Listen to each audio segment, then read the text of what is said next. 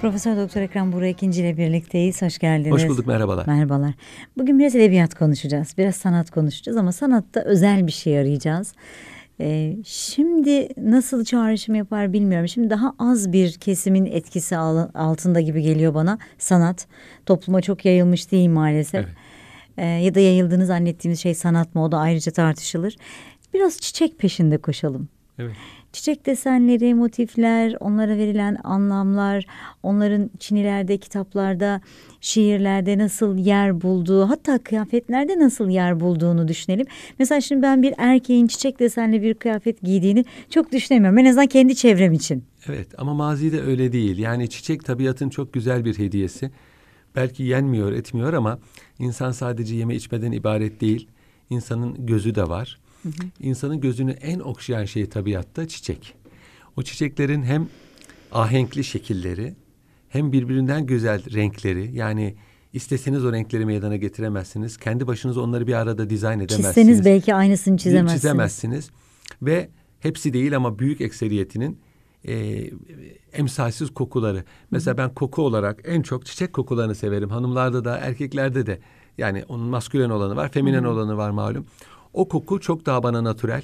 Çok daha insanı rahatlatıcı geliyor. Tabii kokunun kokunun çok farklı maksatları var.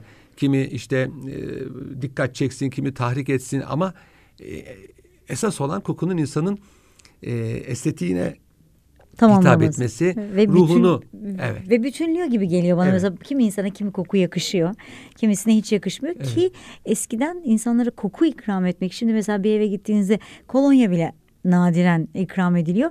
Eskiden hoş kokular evet. ikram edilirmiş. Benim çocukluğumda bir eve girildiği zaman bu isterse zengin evi olsun, ister fakir evi olsun, ister şehirli ev olsun, ister köylü ev olsun. Mutlaka misafire kolonya dökülür ve şeker ikram edilirdi. Şimdi ben o kolonyayı çocukken dışarıdan geldik ya, Hı. mikrop kaptı elimiz. Onun için döküyorlar Aslında öyle zaten. bir alt anlamı belki var de, bence çok anlam. Tam onu söyleyecektim. Yani mutlaka. Müthiş bir hijyen. Evet mutlaka dökülürdü. Ondan önce biz ona yetişmedik ama duyduk, okuduk. E, misafire ilk gelen misafire ilk ikram edilen şey tatlı. Yani tatlıdan kastım böyle baklava börek değil. Reçel. Hı hı. Yani Küçük ağzınız tatlı olsun. Yani size karşı bizim maksadımız bu. Ve güzel koku. Zaten Hazreti Peygamber'in bir hadis-i şerifi var. Kendisine üç şey ikram edilen bunları geri çevirmesin mümkünse. Güzel koku, tatlı bir rivayette süt, üçüncüsü ise minder buyurun oturun dedikleri zaman oturmalı. Sonra müsaade isteyip kalkmalı. Hı, kısa bir sürede Kısa olsa. bir sürede olsa. ikram etti çünkü Hı. minderini. Yani oturun demek. Şimdi bu koku böyle. E bunların menbaı çiçekler. Bugün bile e, aromatik e, sanayinde çiçeklerin ciddi bir yeri var. Yani bunlar sentetik olarak yapılıyor ama yine de çiçek kokuları ölçüdür. İsmi konulurken de böyle. Peygamber Efendimiz de çiçek kokularını sevmiş e, bahçe gülü adında çok güzel bir e, koku vardır. Hafif bir gül kokusu. Onu sürermiş ve menekşe kokusunu çok severmiş. Menekşe yağının insanlara e, kokulara üstünlüğü benim insanlara üstünlüğüm gibidir buyurmuş. Hakikaten menekşe çok güzel. Ben bazen rastlıyorum böyle yaşlılar artık sürüyor gençlerde yok. E, eski hatıraları istinaden de alıyorum kokusunu. Bu diyorum Yasemin. Bu diyorum menekşe. Zambak. Bu diyorum gül. Zambağın hoş kokusu vardır. Evet kendinden geçirir insanı. Zaten zambağın sembolü de o. İnsanı biraz kendinden geçirmek. Her çiçeğin de böyle bir Anladım. sembolik e, manası var. Edebiyatımıza, mimarimize, dekoratif hayatımıza, e, tekstile, elbiselere, mezar taşlarına kadar intikal etmiş süslemelere kadar intikal etmiş bir yeri var. Yani çiçek hayatımızın her yerinde. Şimdi mesela mimaride olsun, kılık kıyafette olsun, e, dekorasyonda olsun çok çeşitli motifler kullanılıyor. Tabii bu sanat ceryanlarının değişikliğiyle de alakalı. Mesela e, şimdi eskiler böyle dört köşe yuvarlak, kare, altıgen motifleri görseler çok şaşırırlardı muhtemelen. Şimdi mesela İstanbul'un bazı semtlerine gidiyorsunuz onlarca yüksek bina evet. yan yana. Mesela onlardan bir tanesinin dış cephesinde bir lale motifi olsa, Yok. bir karanfil olsa Maalesef. ne kadar dikkat çekici ve bırakın, tanımlarken bırakın ne kadar onu, mahalleleri olur. geziyorsunuz. Mahallelerin balkonunda çiçek yok hiç. Yani balkon var. Zaten balkon demek kapatma depo yeridir ama tek tük balkonlarda bile çiçek yok. Hadi çiçeği bırakın pencerelerin önünde. Şimdi Avrupa'da gezersiniz bilhassa Güney Latin memleketlerinde. Kuzeyde de öyledir. Her evde mutlaka camın önünde çiçek vardır. Bazen içinde bazen dışında mutlaka çiçek vardır. Bizde çiçek görmek çok nadir.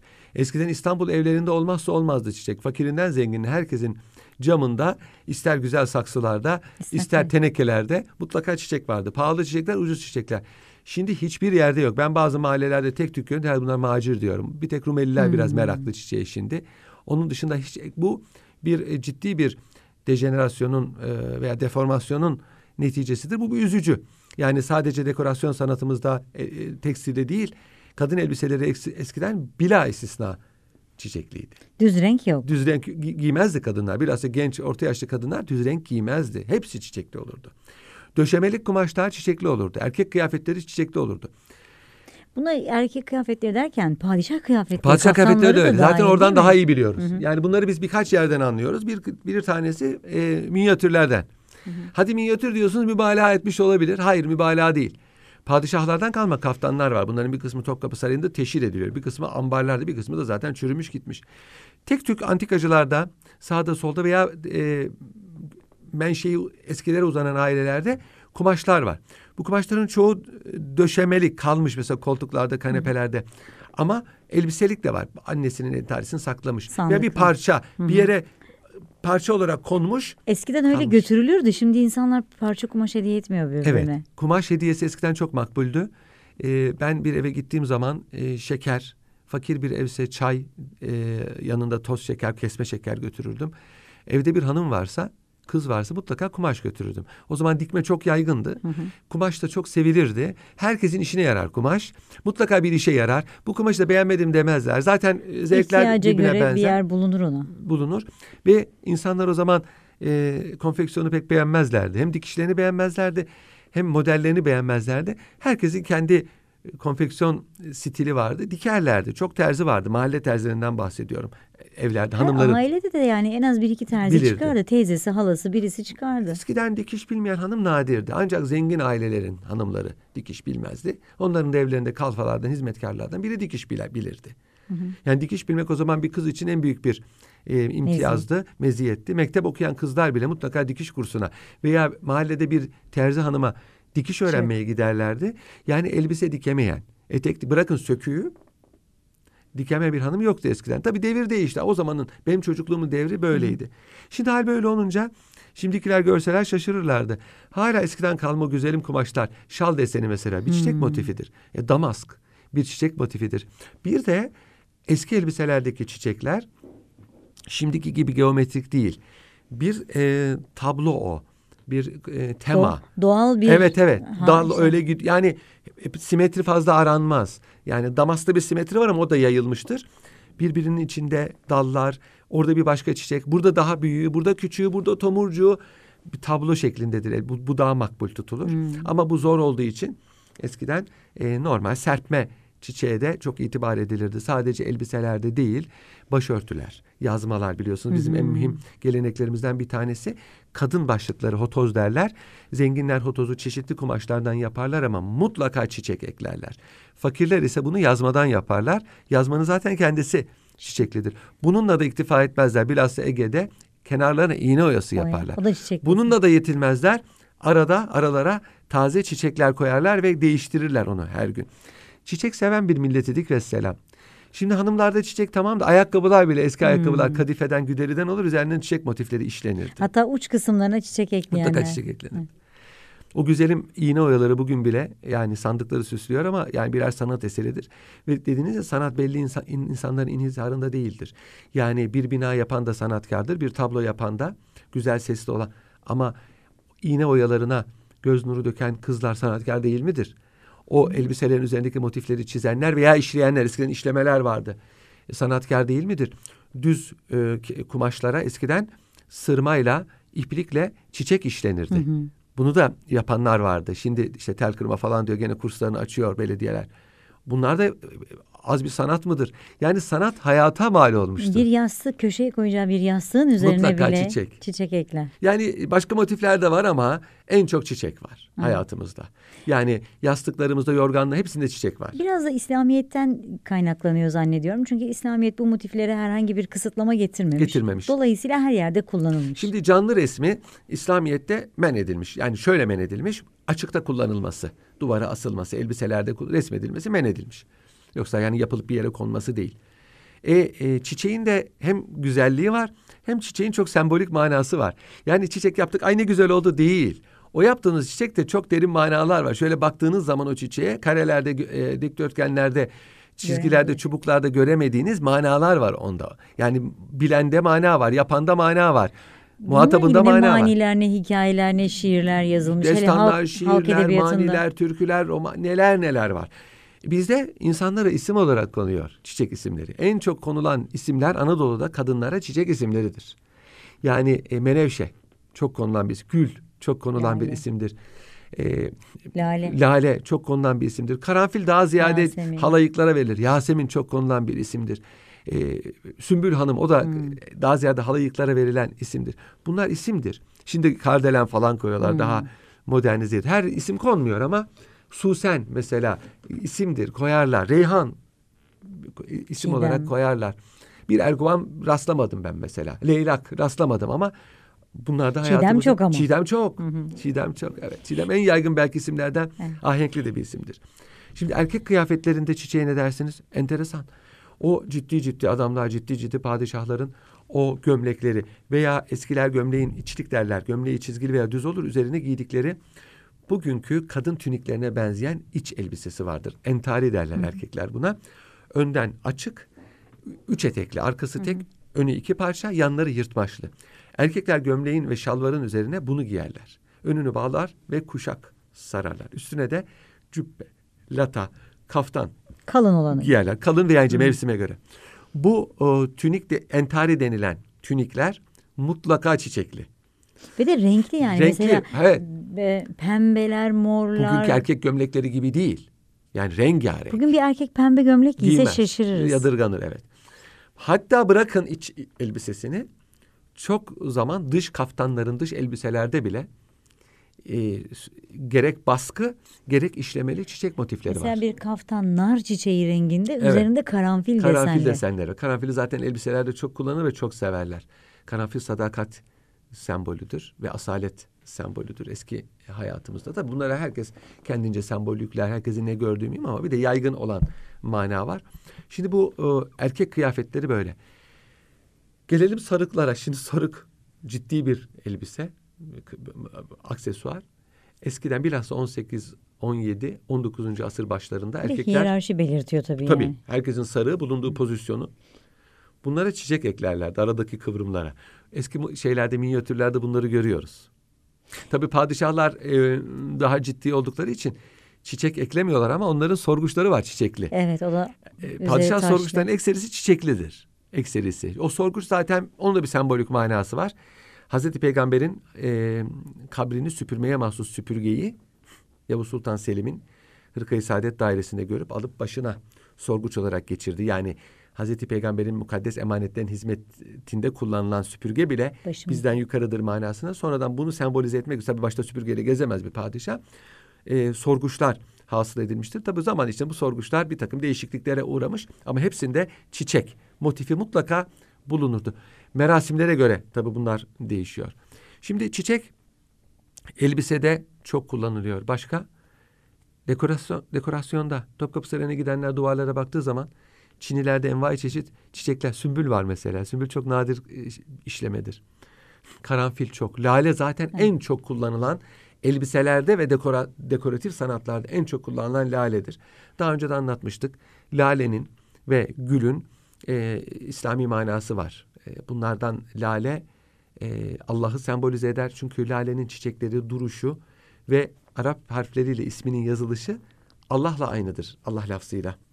E, kokmaz, sağlam, göğe doğru yükselen, umumiyetle tek, haşmetli, ihtişamlı bir çiçektir. Kimseye eyvallah olmayan yeganedir yani. Yeganeliği te- sembolize eder. Gül ise öteden beri Hazreti Peygamber'i sembolize eder. Ee, Hazreti Peygamber'in tabi olarak terinin de gül şeklinde koktuğu rivayet ediliyor. Bunun dışında çiçeklere böyle manalar yükleyenler olmuştur. Ee, mesela Nergis kendini beğenmişliği sembolize eder. Ee, sümbül sevgilinin zülfünü, gül sevgilinin ağzını sembolize eder. Her bir e, çiçeğin bir manası var. Hatta şair şair e, Hisali demiş ki arız ruhsar zülfün ey letafet gülşeni biri gül, biri karanfil, biri sümbüldür bana. Arız yanak demek. Yanağı güle benzetiyor. Gül gibi. Pürüzsüz, güzel kokuyor. Ruhsar yüz o da karanfil gibi. Karanfilin şeklini düşünün. Hmm. Yukarısı aşağı doğru inceliyor. O da makbul bir yüz şekli malum. Ee, zülüf de yani sevgilinin e, başının örtüsünün kenarından görülen hmm. bir parça zülüf. Öyle başka göremiyor. Onu da sümbüle benzetiyor. Şimdi zülf biliyorsunuz çok nadir görülür. Yani başörtüldüğü için bir hanımın yüzünü görmek mümkün de elini Saçını. görmek mümkün de saçını görmek imkansız. Çok nadir isyankar bir zülüf alnına düşer. İşte o şairi kendinden, mısra, eder. kendinden eder mısralar yazar. Onun için işte sümbüle benzetilir. Sümbül e, ve nergis bunlar başı eğik e, çiçeklerdir. Nergis daha ziyade pas vermeyen, yüz vermeyen aşığı sembolize eder. Çünkü Nergis su kenarında yaşar. Hafif de boyunu e, boyu eğili olduğu için kendini seyrediyor derler. Hmm. Kibrin, kendini beğenmişliğin sembolüdür. Suya yansıyan aksine evet, bakın. Narsizm, e, kendini beğenmişlik ve eski Türkçedeki nergisi, kendini beğenmiş tabiri de hmm. buradan geliyor. Nergis'ten geliyor. Şimdi Hisali de demiş ki gül yüzün, lale ruhun yani ruhunla yüz yanak demek. Sümbülü terdir zülfün. Yine aynı. Ter taze demek. Sümbülü ter yeni tazedir. Na şüküfte dahi gül goncası nazik dehinin. Açılmamış gül goncası da senin o nazik ağzındır diyor. Yani ağız gonca güle benzetiliyor her zaman. Yumuk ya. Küçük ağız makbuldü eskiden. Ee, bu çiçeklerin edebiyattaki sembolleridir. Yani e, mesela şebboy gece açar malum gece kavuşmayı, gece ümidini sembolize eder. Şebboy'dan bahsediyorsa. Zambak çok ateşli aşkı. Zambakın kendinden geçirici bir kokusu vardır malum. Ee, aynı şey, aynı şey e, bu ağır kokusu olan Yasemin. Yasemin de çok e, kokusu var. O da öyle. Yani maşukaya kavuşma arzusunu sembolize eder.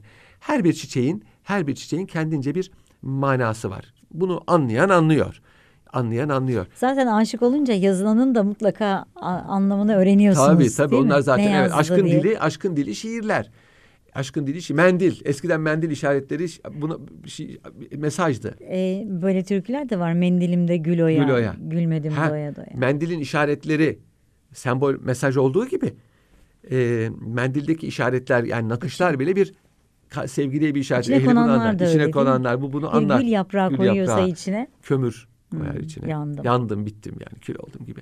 Bunları anlayan anlar aşkın dili. Yani biliyorsunuz ben daha önce de söylemiştim şarklılar böyle sembolik hayatı severler. Açık söylemeyi değil de böyle kinayeli ifadeleri severler. Bu çiçeklerin tasavvuf hayatında da bizim ciddi yeri vardı. Bilhassa gül, karanfil, lale ve nilüfer. Şimdi e, gül dedik zaten e, peygamberimizi, lale Allah'ı, karanfil ise sadakati yani Allah'a bağlılığı, itaati, riayeti sembolize ediyor. Çok güzeldir karanfil zaten böyle taç gibidir üstü. Asalet sembolü onun için diyorlar. Nilüfer de dervişleri, Hı. tasavvuf erbabını malum suyun üstünde gezer Nilüfer. Yani e, derviş de keramet ehli su üzerinde seccadesini sa salmış namaz kılar gibidir. Bunların sembolik manaları var. Şimdi biz gene gelelim dekorasyona. E, Topkapı Sarayı'nı gezdiğiniz zaman laleler, karanfiller, güller duvarlarda. Hı hı. E, sadece Topkapı Sarayı'nda camiler, cami motiflerinin büyük ekseriyeti çiçeklerden müteşekkildir. Camileri özellikle bir bahis olarak evet. değerlendirmek istiyorum. Çünkü bunlar aynı zamanda bizim dışarıya açılan yüzümüz. Pek çok turist ya da sanatsever sadece evet. o çinileri görmek, evet. oradaki desenleri görmek için geliyor. E, dönemlere göre isterseniz hangi çiçeklerin biraz daha öne çıktığından konuşalım. Hay hay. Sonra kısa bir ara verip camilere geçelim. Hay hay. Şimdi e, her şeyin bir modası olduğu gibi çiçeğin de bir modası var. Dekorasyonda bir modası var. E, Topkapı Sarayı'nda 16. asırda yapılmış olan duvarlarda normal bir sıva, normal bir taş mermer değil, çiniler var. Çinilerin biz eskiden evlerin e, içinde de kullanıldığını biliyoruz. Tabii çinilerin şöyle bir e, fonksiyonu var. E, sıcak ve soğuktan koruyor, rutubetten koruyor ve aynı zamanda da revnak veriyor, evi süslüyor. Yani çininin arkası toprak e, bir izolasyon vasıtasıdır. Hı hı. Yüzündeki parlak kısım ise e, sanatçının e, hislerini terennüm ettiği yerdir. Evleri bunlar süsler. Nitekim e, mesela Pierre Loti gibi, e, Hammer gibi e, Türk dostu, Türk hayranı olan yabancılar e, memleketlerinde e, evlerini yaptıkları zaman bir odasını bazen her yerini çinilerle kaplamışlardır. Cami çinisi değil bunlar. Görenler aa bura cami gibi olmuştur. Hayır eskiden evler de böyleydi. Hmm. Evler de böyleydi. Bunlar zamanın mimari, şimdi buradaki renkler, kullanılan motifler bunların hepsi belli bir devri. İznik çinileridir bunlar. Bu gelenek ta İzniklilerde başlamış. Selçuklular zamanındaki bazı Çinilerde bile bu çiçekleri görüyoruz. Gelincik motifi var mesela. Hmm. Gelincin kendine mahsus bir kırmızı şeyi vardır. Soluk gibi görünür. Fakat o Çin'inin mavi Çin'in üzerinde o inanılmaz cazibeli görünüyor. Eski İznik Çinlerinde var. Fakat mesela 16. asırda artık gelincik görmüyoruz. Hmm. Gelincik yerine e, sümbül gibi, gül gibi çiçeklere bırakmış. 16. asır, 17. asırda biz artık lalelerin daha çok yayıldığını görüyoruz ve zaten o asrın sonundaki devrede evet. Lale Devri ismini verilmiştir. Çünkü e, çiçek hayranlığı zaten çok. Ayrıca bir tulip manya, lale çılgınlığı başlamıştır. Sadece bizde değil bütün dünyada. E, ve o devre Lale Devri denmiştir. Halbuki o devirde çok başka şeyler olmuştur ama Lale ile anılır. E, bugün de Osmanlı devrini sembolize eden bir kumaş, bir bina, bir şey, bir dekorasyon e, canlandırıldığı zaman mesela mutlaka. mutlaka Lale Devri yani 18. asır başlarını sanki Osmanlı bir tek ondan ibaretmiş gibi ama en rafine hali odur. E, bunu orada görüyoruz. Bu e, çiçeklerin dekorasyonda, Hı. elbiselerde kullanma adeti Türklere mahsustur. Diğer milletler Türklerin tesiriyle gerek dekorasyonda, gerek Hı. süslemede, gerek Özellikle kumaşlarda Avrupa'da, değil mi? Avrupa'da bilhassa bunu belki Çinler'de daha önce vardır. Ben onu tetkik etmedim ama Avrupa'da hiç yok değil ama yayılması Türklerin tesiriyle olmuştur. Yani Türkiye'ye gidiş geliş Türkiye'deki kumaşlar Türk seyyahlarının Türk ev, yabancı seyyahların Türk evlerinin duvarlarını anlatması üzerine Avrupa'da ciddi manada çiçeğin kullanıldığını görüyoruz. İletişimin de artması tabii bu. Bizim e, evet. e, temsilcilerimizin de gidip gelişi. Bu da Avrupalıların muhtemelen kalbini biraz yumuşatmış olsa gerek. Eskiden biliyorsunuz daha e, düşmanlık, e, kavi bir düşmanlık vardı. Ondan sonra biraz daha iş normale dönmüş olabilir. Şimdi yabancı seyahatlerden bahsettiniz. Yurt dışından Türkiye'ye gelenlerin kitaplarında bahis olarak, konu olarak ifade ettikleri bir şey çiçek.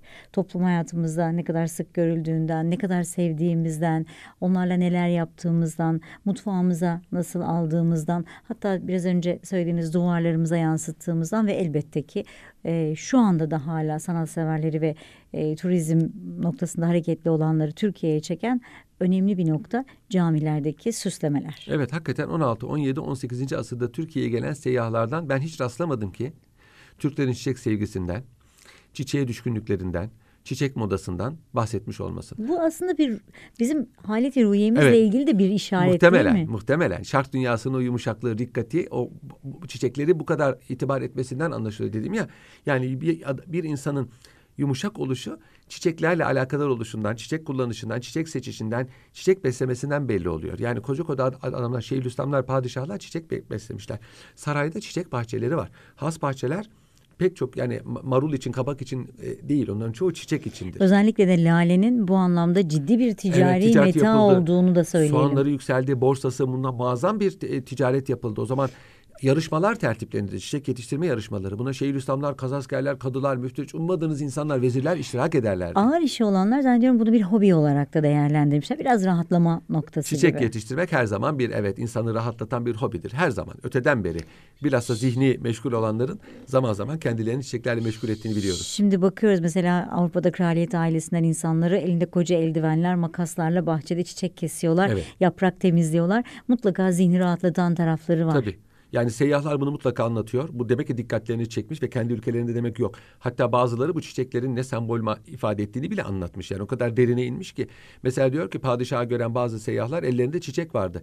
Yani bütün minyatürlerde, bütün demiyorum ama pek çok minyatürde padişahlar çiçekle sembolize edilir. Elinde çiçek tutar. Meşhur Fatih'in değil meşhur, mi Fatih'in yani, meşhur. Yani bu poz vermiş değildir. Çok çok zaman tutar, koklar. Elinde yani çiçekle meşgul olmak bile insanın o andaki halet rüyesini bir, bir e, regülatör e, evet. vazifesi görüyor. Paratoner evet. değil mi? Yani elbisenize baktığınız zaman bile insan bir yumuşuyor. Yani güzele bakmak insanı rahatlatıyor. Şimdi e, bu da öyle. E, mesela eski minyatürlere baktığımız zaman sofrada çiçek görüyoruz. Yemek sofralarında padişahın. Mesela şimdi biz Avrupa'dan geldi zannediyoruz. Hayır. Sofraya çiçek koymak çok eski bir Türk adetidir çiçek hediye etmek çok eski bir Türk adetidir. Eski mesela düğün e, e, kroniklerde yani tarihi eserlerde e, çiçek hediye edildiğini görüyoruz. Hatta mesela Fransız sefiri geldiği zaman Fransız sefirine e, çiçek hediye edilmiş o zaman. Yani inci çiçeği sulh manasına gelir yani. Onu yani seninle aramızda barış var yani şeyimiz. Bunları bunlar eski kitaplar yazıyor.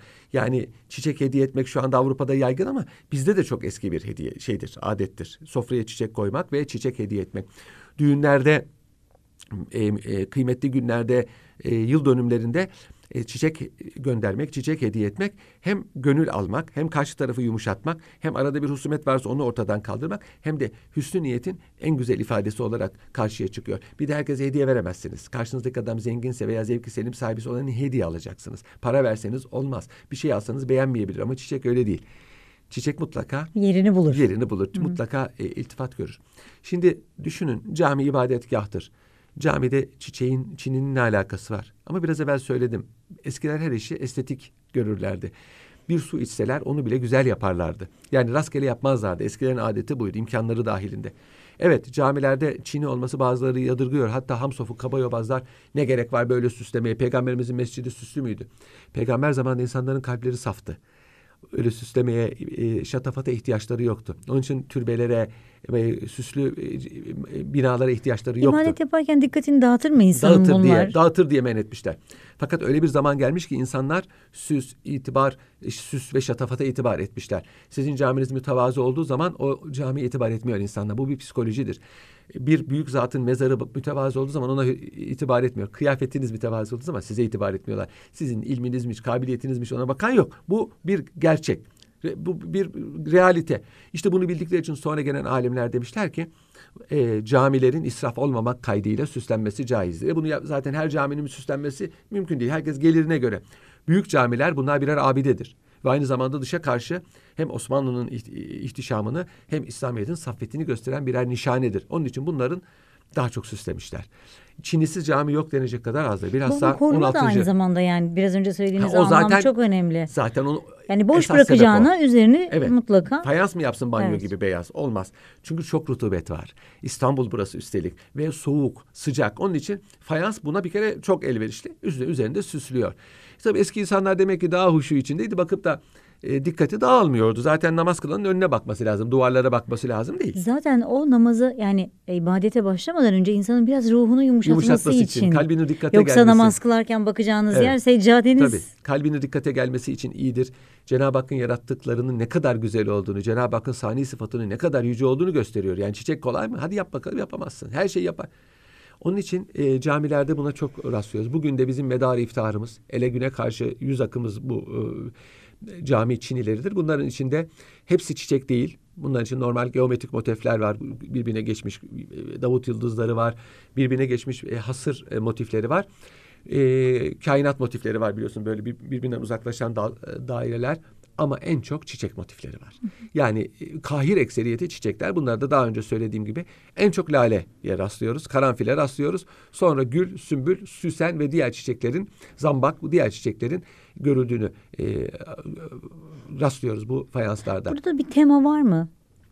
Aa, Yoksa elbette. sadece Şimdi şöyle, çiçek motifi mi? Cami, cami süslemelerine e, çalınanlardan ve yerine konulanlardan anladığımız kadarıyla bir kısmı bir teviye desendir. Yani bir teması var. E, yok, evet, yani tekrar eden. Tekrar tekrar eden.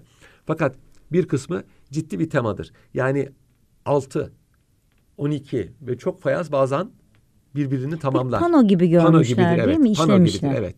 Pano gibidir. Baktığınız zaman hayran olursunuz. Sizi cezbeder o panonun o e, simetrisi, o zerafeti. Simetri olmasa bile bazen asimetri bile biliyorsunuz çok zarif e, bir şekilde resmedilebilir ve düşse onun aynısından yapmak icap eder.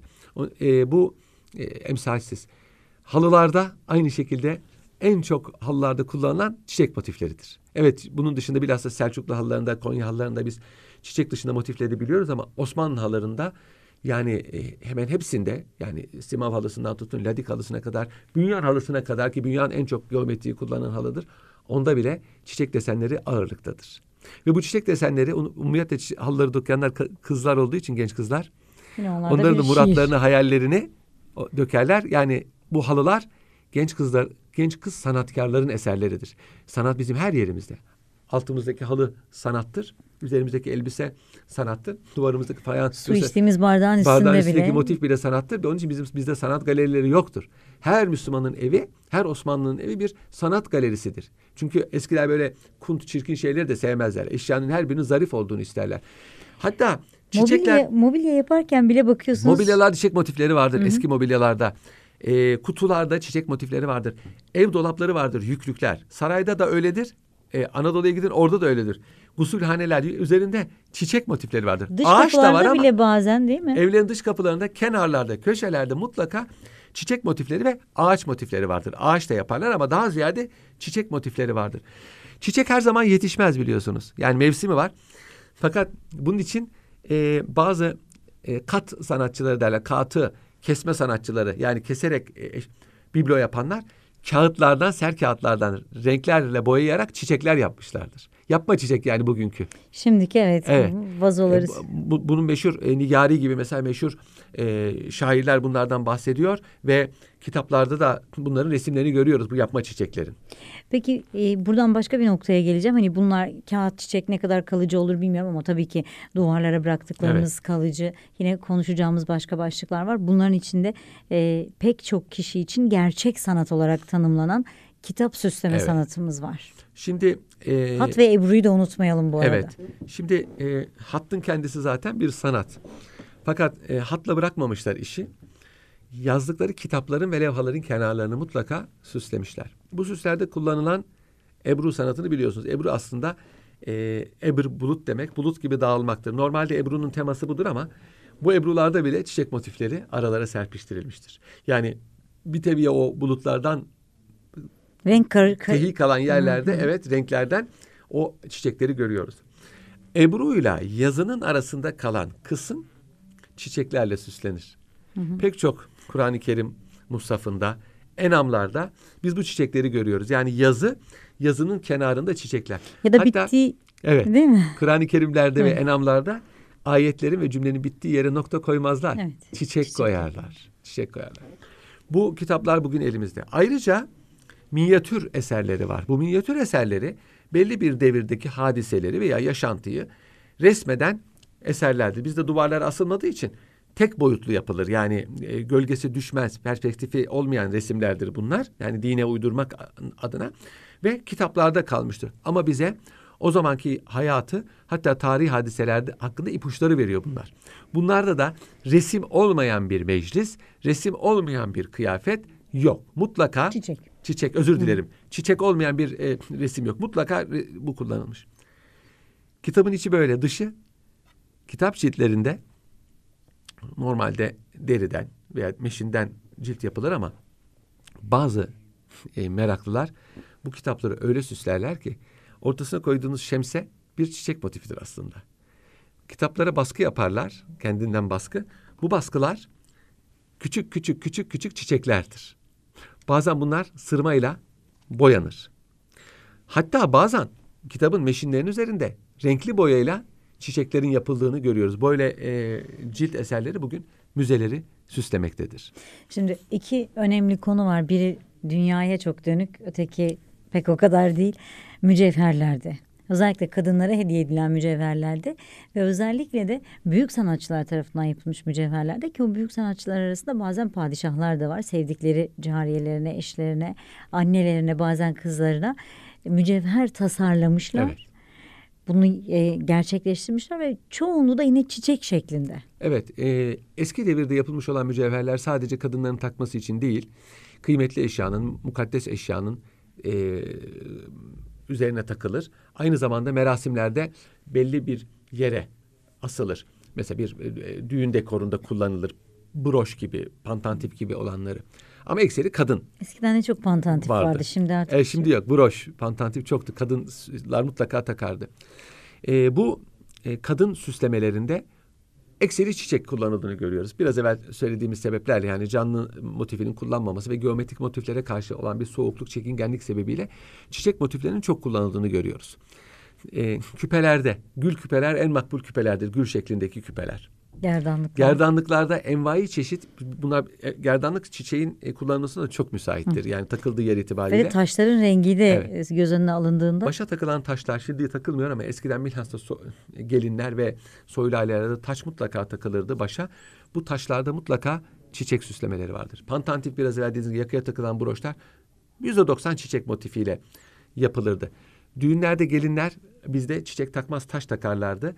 Ee, ama normal zamanda da evlerinde hotoz yani hafif küçük bir başlık taktıkları zaman bile kenarına bir broş işaret. O da çiçekten olurdu. Çiçek mutlaka başta bulunurdu. Kanuni Sultan Süleyman'ın ciddi bir mücevher tasarımcısı olduğunu biliyoruz. Sultan 3. Ahmet keza öyle. Osmanlı padişahlarının zaten sanatla meşgul olmayanı yok gibidir. Bunların içinde mücevher biliyorsunuz çok ince bir iştir. Yani kıymetli bir metayı çok ince bir şekilde e, işleme işleyip e, bir şey meydana eser meydana getirmeniz lazım. Ziyan etmeyeceksiniz. Yani azami dikkatle kullanacaksınız ve ortaya bir sanat eseri bir de çıkaracaksınız. bir değerli taştan, Değerli değerli, ta- madenden evet. bahsediyoruz. Bu kolay bir şey Maliyetli değildir. bir şey. Bu kolay bir şey değildir ama o çiçekler apayrı bir revnak vermiştir o e, yapılan süslemelere. Yüzükler keza öyle. Şimdi e, hani eksik kalan bir şey var mı diye hafızamı zorluyorum ama mutlaka var. Mezar taşları. Onu konuşacağız. Onu en sona bıraktım. Onunla kapatalım istedim ama şimdi şöyle bir bakıyorum günlük hayatı o kadar sarmış ki hani neresine dokunsak başka bir konu çıkıyor. Evet. Ee, şimdi ayakkabı diyoruz terlik çıkıyor, çorap Evet. çıkıyor. Çoraplarını bile Evet. düşünün bir Anadolu'da bir kadının çetiğinde kaç tane çiçek mutlaka deseni çiçek vardır. deseni. Zaten çoğu çiçek desenidir. İsimleri de vardır onların. Mutlaka evet. Renkleri öyle hediye ederken öyle işte bakıyorsunuz e, yaşlı birisine ziyarete gidiyorsunuz. Hala şimdi görüyorum ben Ramazan için bayram için gittiğinde insanlar ya bir havlu götürüyor çiçek kenarına işleme yapmış. Evet. Ya bir çetik götürüyor üzerinde işleme var. Ya bir yemeni götürüyor kenarından e, oyaları sarkmış. Orada da çiçekler var. Yani aslında zannettiğimizden daha fazla hayatımızda yer tutuyor. E, tek Tabiata çıktığı eksiğimiz zaman bile insanlar kıyıda köşede bir çiçek gördüğü zaman heyecanlanıyor. Tek eksiğimiz günlük hayatımızda. Yani canlı çiçeği günlük hayatımızda yeterince koruyamamışız. Şimdi şöyle e, evler tabii buna müsait değil. Şu anda oturduğumuz evler, apartman daireleri çok fazla çiçeğe elverişli değil. Bilhassa içeride zaten halbuki eskiden içeride beslenen çiçek vardı, dışarıda beslenen çiçek vardı. Şimdi e, fakat bu imkansız demek değil. Her taraf çiçek seraları. Çiçek e, canlı çiçek ucuz, pahalı değil. Normal kesme çiçekten çok daha ucuz ve en az 15 gün yaşıyor.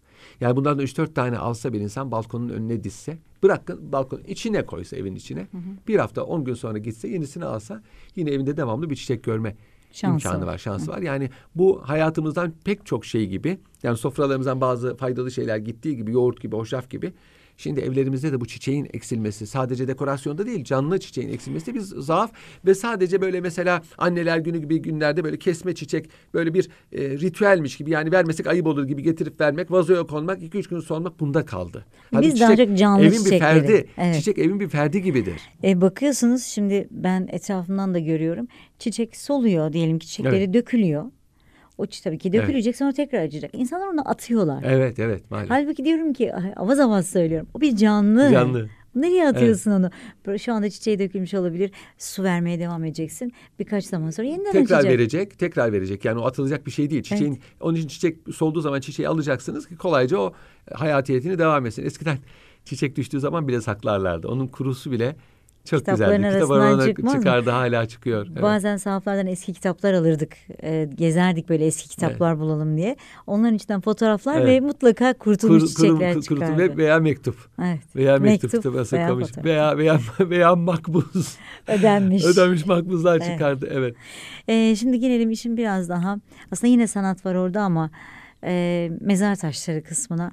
Kimileri renkli, kimileri sadece mermer üzerine işlenmiş, kimileri oymalı, e, kimileri bazen boynu bükük bir gelincik, bazen bir gül, bir lale.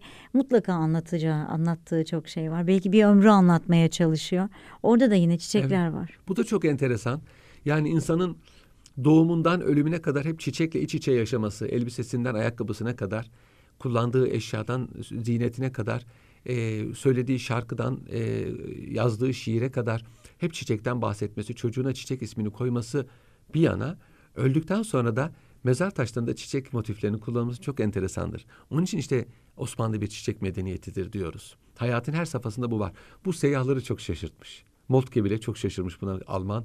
Yani ve anlatıyor işte kadınlar E, bilhassa kadın mezar taşlarında çiçek vardır. Erkeklerde yoktur demiyorum. Çünkü erkek mezar taşlarında biliyorsunuz uzun bir mermer mezar taşında sarık veya fes. Fakat o sarığın üzerinde bile bir çiçek. Veya alttaki o kişiyi anlatan e, kısımda bile ufak tefek çiçek motifleri var mutlaka. Boş kalan bir kitaba çiçek motifi koymuşlar. Sanki evet yani boş kalmasın orası. Orada bir çiçek Orada bir olsun. güzellik Gözü, olsun. Gözü, göze faydası var. Ama kadın mezar taşları zaten mutlaka çiçekli olmasından anlaşılır. Yani bir mezar taşında fes, kavuk yoksa, üzeri böyle düzse ve hafif çiçekliyse o bir hanımdır. İşte genç kızsa, genç kızsa açılmamış güllerin üzerinde daha çok bu- bulunduğunu görüyoruz. Çocuklu öldüyse üzeri bol çiçekli, e, menekşeli mesela motiflerin. Menekşe tevazunun sembolüdür. Boyun büküklüğünün sembolüdür. Annenin çocuklarına karşı boyun büküklüğünün ve aynı zamanda a, e, aşıkın maşuka karşı boyun büküklüğünü sembolize eder. Bunlarla e, kaplıdır. Bu mezar taşlarını gördüğünüz zaman zaten mezar taşlarının kendisi bir e, müze, açık hava müzesi olduğu gibi bu üzerindeki çiçekler bile her biri birbirinden farklı. Hiçbiri birbirine benzemez. E, kabristanları apayrı bir şey yaşıyor. Şey, Hayal Kemal demiş ki biz ölülerimizle yaşayan milletiz. Hakikaten bizim hayatımızı da kabristanlarımız ifade ediyor. Çok teşekkür Ben ederim. teşekkür Tekrar ederim. görüşmek üzere. İnşallah. Hoşçakalın.